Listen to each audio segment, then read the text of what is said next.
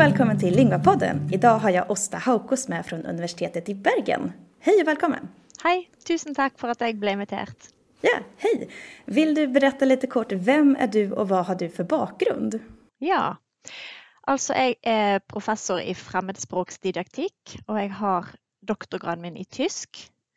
Og tidligere så har jeg jobba også som lærer i skolen, både i gymnaset og også i grunnskolen. Og jeg kan vel si at jeg er en språkmenneske, så jeg har kvalifisert å undervise i norsk og engelsk og tysk, så i de tre kanskje viktigste språkene i skolen, etter min mening. Mm, Ja. Okay. Ja, och eh, du är ju särskilt intresserad av metakognition har jag förstått. Ja. Vill du berätta lite kort, vad är metakognition? Mm. Ja, hvis man tenker på selve ordet metakognisjon, så kan vi kanskje prøve å dele det opp i to. Og kognisjon, cognition på engelsk, det jo, handler jo om tanker og prosesser. Og meta det er et perspektiv utenfra når man ser på sin egen kognisjon. Så man kan si at det er det å tenke over egne tanker, det er én måte å definere det på. Og jeg har gått litt dypere inn i det. Det finnes sikkert hundrevis av ulike definisjoner på metakognisjon, og det kan være litt forvirrende, egentlig, eh, med alle de ulike definisjonene. Men fra mitt perspektiv så er det å metakognisjon det å ha en bevissthet rundt egen kunnskap. Hva kan jeg, hva kan jeg ikke? Egen læring. Hvordan lærer jeg, eh, og hvordan kan jeg kanskje forbedre meg og lære mer? Men også egne følelser rundt både eget liv og hva man kan og ikke kan. Og f.eks. følelser knytta til, og motivasjon knytta til det å lære språk, eller å undervise språk hvis man er språklærer. Mm. Alltså kunskaper om vad man kan, vad man, hur man lär sig och om känslorna kring det här. Ja. Och eh, du har ju skrivit en bok, eller du har varit redaktör för en bok som kom 2018 som heter Metacognition in Language Learning and Teaching. Och där belyser ni ju olika perspektiv på metakognition i relation till främmande språk. Finns det något särskilt för eh, just metakognition kopplat till en främmande språkskontext? Ja, altså hvis du tenker på fremmede språk som tysk, fransk og spansk, så er det jo det spesielle med det er at elever som, eller studenter eller voksne som lærer det, er jo allerede språkeksperter, vil jeg si. Altså de har allerede i norsk kontekst lært seg norsk, de har lært seg engelsk, og det er det tredje språket de lærer. Men hvis vi ser på undervisningen eh, i skolen, så er det ofte sånn at tilnærmingen er som at man begynner fra null. Altså at man på en måte ikke helt tar tak i at elevene er språkeksperter og har veldig mye erfaring allerede, så man underviser litt som at elevene ikke kan så veldig mye om språk og språklæring fra før. Dette her finnes selvfølgelig stor variasjon. Så lærerne er fantastisk dyktige på å ha en variert og motiverende undervisning i både tysk og fransk og spansk, men dette med å gjøre det, elevene bevisst på at de allerede kan veldig mye om språklæring, og, og de har mange ulike språkstrategier de kanskje kan overføre til tredjespråket sitt, det, der er det litt lite systematiske tilnærminger hos lærerne. Og vi tror vi kan vinne ganske mye på at eh, elevene er bevisst på at de allerede kan veldig mye og kan jobbe videre. De starter ikke på null, de er faktisk starter på et høyere nivå. Mm. Och i boken så refererar du till en studie om 145 språklärare i Norge. Jag minns inte från vilket år den var, men det handlar om deras relation till metakognition. Kan du berätta lite kort om vad den studien kom fram till, alltså hur det ser ut i skolan? Ja, kanskje det som er mest vanlig å tenke på når det gjelder metakognisjon, det er nettopp dette med læringsstrategier. Altså hvordan skal man lære seg språk? Og hvis man deler opp læringsstrategier i språk, så er det jo mange ulike. Det er lesestrategier, skrivestrategier, ordlæring, grammatikk, kommunikasjon. Og i læreplanen i Norge, og sannsynligvis også i Sverige, så er det en viktig del at man skal være bevisst hvordan man lærer. Og disse lærerne syntes alle sammen det var viktig med metakognisjon og læringsstrategier. Alle sa ja, tommel opp for det. Men, og de også sa at ja, vi pleier av og til å snakke om ulike strategier. Og noen, sa, noen ganske få sa at ja, og jeg pleier også å modellere strategier, altså vise elevene. Men det vi så var at det var veldig få elever som fikk sjansen sjøl til å prøve ut strategier i klasserommet. At de fikk teste ulike strategier og kjenne på over tid hva er det som fungerer for meg, hva fungerer kanskje ikke så bra. Sette seg mål for hvordan de har lyst til å jobbe framover, og kanskje utvide strategirepertoaret som de hadde. Mm. Og, og, og, dette med å evaluere egen språklæring. Så det ble litt sånn lærersentrert at lærerne sa man kan gjøre sånn og sånn, men så var det lite utprøving blant elevene. Får jeg spørre, hvorfor tror du at det er så? Altså, hvorfor ser det ut så? Jeg tror det, For det første tror jeg det at mange av lærerne har heller ikke så mye kunnskap om det. Og det sa også lærerne, at vi trenger mer kunnskap om dette. Vi tror det er en bra ting, men vi kan for lite om det. Og vi vil heller ikke bruke for mye tid i klasserommet til det når vi ikke vet om det funker. Men det funker jo? Det gjør jo det. Det funker jo. Så, så litt mer systematikk rundt det. Men også tror jeg at lærerutdanningene må også ta litt tak her og ta litt ansvar for at dette skal være en måte å jobbe på som alle lærere tenker er logisk. Også, jeg er også lærerutdanner, og jeg er inne i mange klasserom for å besøke mine studenter.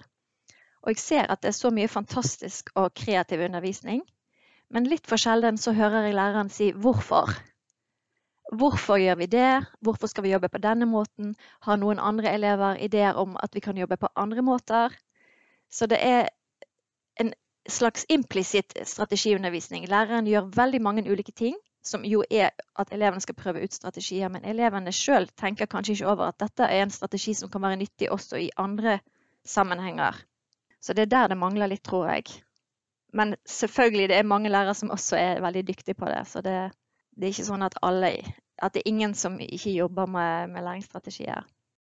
Nej, och jag vet inte hur det ser ut i svensk lärarutbildning och hur mycket fokus som läggs på just metakognition. Jag tog examen 2010 så det var ju ett tag sedan så jag vet inte riktigt hur det ser ut i Sverige. Nej, men hur var det för dig då när du tog lärarutbildning? Jeg jag minns inte så tydligt att det var det. Däremot, jag läste en masterutbildning og och där vet jag att vi pratades lite om det. Men mm -hmm. jag tror inte att det var så mycket just under lärarutbildningen, under grundutbildningen. Ja, hvis vi skal ta et eksempel, altså skriving. Man skriver i alle språkfagene. Man skriver i morsmålet, altså svensk eller norsk, man skriver i engelsk, og man skal skrive i, i tysk, fransk og spansk. Så man har allerede veldig mye kunnskap om hvordan man skal gå fram, hvordan man skal lage en disposisjon, kanskje lage stikkord. Men dette er ikke nødvendigvis automatisk at man tar det opp når man da skal skrive mm. tekster mm. i, i fremmedspråket. Da begynner elevene igjen kanskje litt på null, selv om det har vært fordel for også for de å ha en plan. Hvilke begrep skal jeg ha med? Eh, kanskje ha en sånn idémyldringsfase sammen først. Altså alle disse tingene som de egentlig kan, men som de ikke tenker på sjøl at å ja, jeg har mange strategier allerede for å skrive. Mm. Ja, det låter jo som at det handler mer om at man skal medvetendegjøre at det fins en masse strategier og at man eksplisitt skal visa og un undervisa och visa och undervisa om, om strategiene. Mm. Mm, och när du pratar om strategier, du skickade en artikel till mig som var skriven 2014 som du sa att den här artikeln som hette Metakognition om språk och språkläring i ett flerspråklighetsperspektiv som du sa att väldigt många norska lärare, eh, lärarstudenter läser. Och där skriver du just om vikten av både metalingvistisk medvetenhet och medvetenhet om språkinlärningsstrategier. Och om vi går in på de här olika strategierna, vilka är de här strategierna då och hur kan eleverna använda sig av dem? Ja, altså Egentlig kan jeg si at det finnes hundrevis av strategier. Men, én ting for å ta ord, da, hvis man skal tenke på det, så, så, så, har man jo muligheter for å tenke på hvilken ord kjenner jeg igjen. Dette vet jeg mange lærere også gjør, altså såkalte transparente ord. Altså at man har allerede en kunnskap om ord og hvordan de er bygget opp fra tidligere språk som man kan. Og, og hvordan man kan overføre det uten å måtte pugge hvert enkelt ord, for man har allerede den kunnskapen. Man har også en kunnskap om at man kan lese et ord i kontekst. Sant? Ofte er det sånn at man eh, i spansk eller tysk eller fransk leser ord for ord. Man glemmer litt at man kan løfte blikket og se på alt sammen og, og, og få en sammenheng. Eh, en annen ting som gjelder ordlæring, er nettopp det at elever ofte får i heimearbeid at man skal lære seg ulike ord.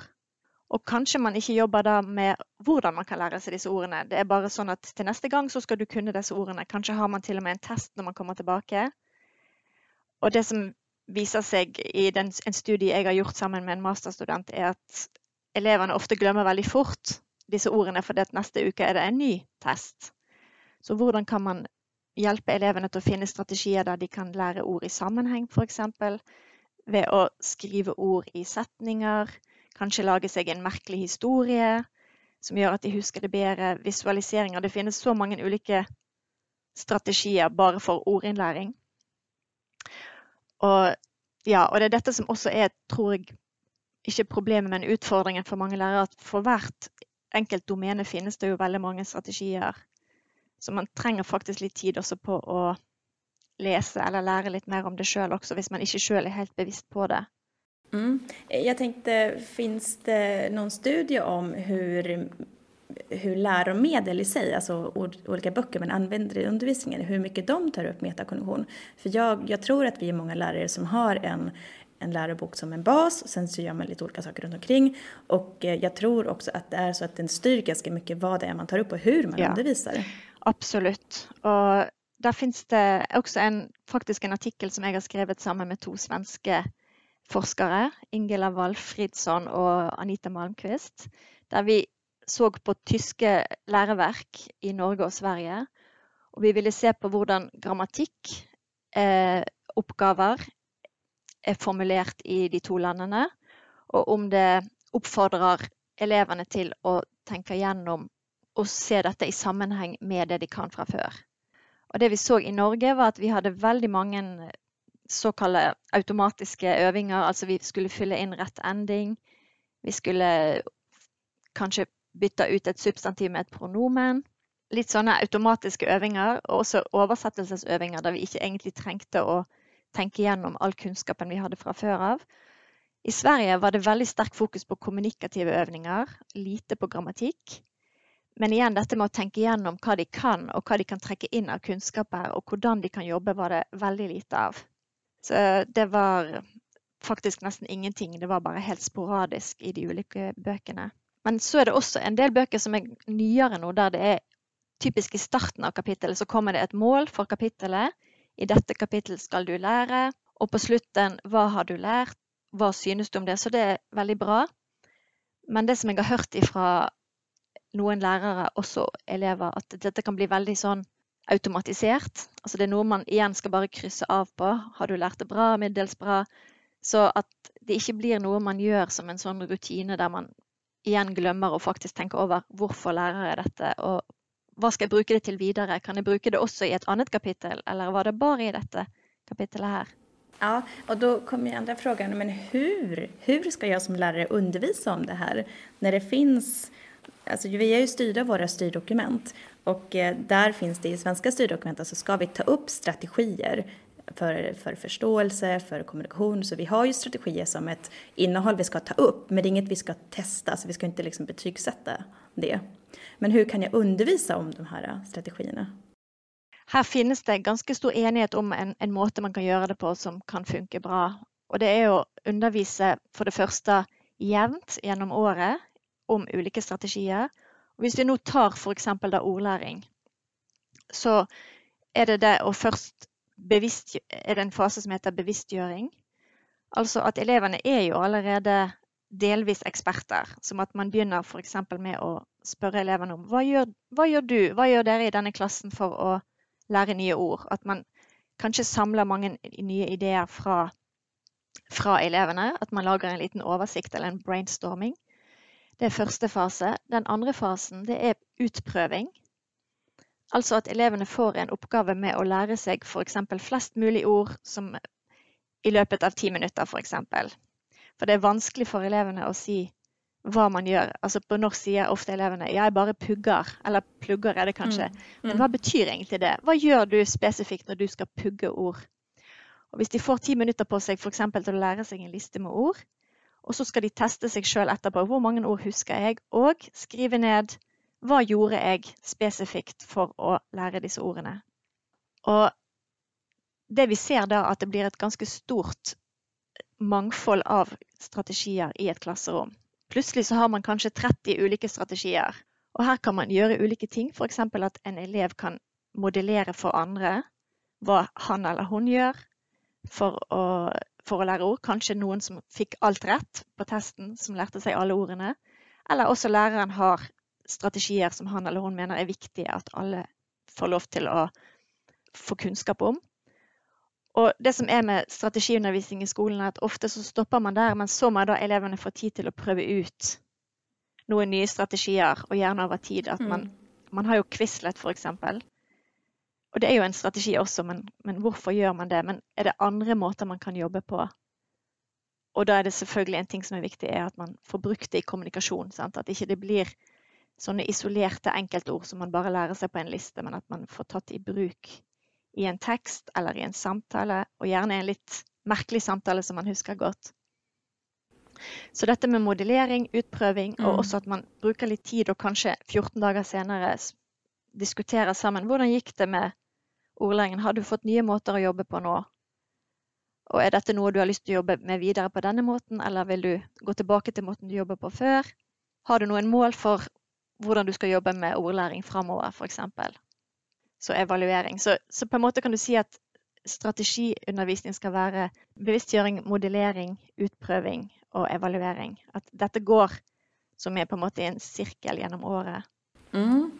Och du skriver också lite grann om hur jag som språklärare själv kan använda min metakognition. Vad har du å si om det? Ja, jeg tenker jo at det aller viktigste personen i skolen som man ofte glemmer, det er læreren. altså, læreren, For å ha det bra som lærer, så tenker jeg det er veldig viktig at man er bevisst på sjøl. Hva er det man kan? Hva er det man er trygg på? Hva fungerer bra for meg som lærer? Og hva er det jeg kanskje ikke kan så veldig godt? Hva er det jeg trenger å utvikle meg videre på? Og hvordan skal jeg få det til? Hvordan skal jeg bli tryggere i f.eks. å snakke tysk eller fransk eller spansk? Og at man sjøl også setter seg egne mål for egen utvikling og, og, prøver å definere måter en kan utvikle seg på, og prøver ut nye måter hele veien. Og mm. utvikle egen undervisning.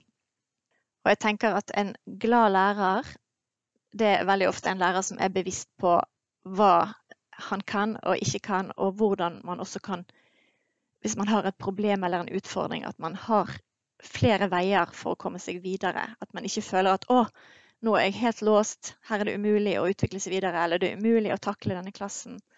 Eller 'elevene er så utmotiverte, det er ingen mulighet for å komme videre her'. Men at man faktisk vet om at det finnes mange ulike veier videre. Men man må også være villig til å gå ulike veier. Mm. Men om man då kommer till insikt om att ja, men nu jag skulle behöva lite mer kunskap om metakognition för att jag ska kunna lära mina elever bättre så att de ska lära sig mer. För det är det det handlar om, att med hjälp av metakognition så ska eleverna lära sig bättre och mer effektivt lära sig mer. Men hur kan jag få mer kunskap om just metakognition? Ja, hvis jeg skal reklamere litt for min egen artikkel, så tror jeg at akkurat den artikkelen fra 2014 er ganske fin, som heter 'Metakognisjon om språk og språklæring i et flerspråklighetsperspektiv'. For den tar nettopp tak i dette med å være bevisst på ulike nivå som lærer, men også hvordan man kan jobbe med elevene. Og Det som er et poeng også i den artikkelen, er at du som språklærer i tysk, fransk og spansk ikke er alene. For du har kollegaer også i engelsk og i, i morsmålsfag eller i norsk eller i svensk. Og hvis man kunne få til at man hadde jobba sammen på tvers av faggrensene, så tror jeg man hadde fått gjort veldig mye mer når det gjelder metakognisjon og læringsstrategier i skolen. Vi holder på med det samme. Vi ønsker at elevene våre skal bli dyktige til å kommunisere, få innsikt i nye kulturer og tenkemåter. Men veldig ofte så opererer vi litt sånn separat fra hverandre. Men vi, vi gjør egentlig veldig mye av det samme, bare på ulike språknivåer. Mm. Okej, tack. Vad kan jag ta med meg inn i mitt klassrum redan imorgon? Ja, jeg tenker det første er å reflektere rundt om du er bevisst på at du forklarer elevene hvorfor man skal jobbe på den eller den måten.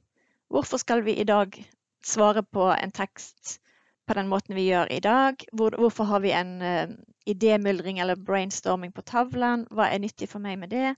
At du hele tiden prøver å forklare elevene dine grunnen til hvordan man jobber på denne måten.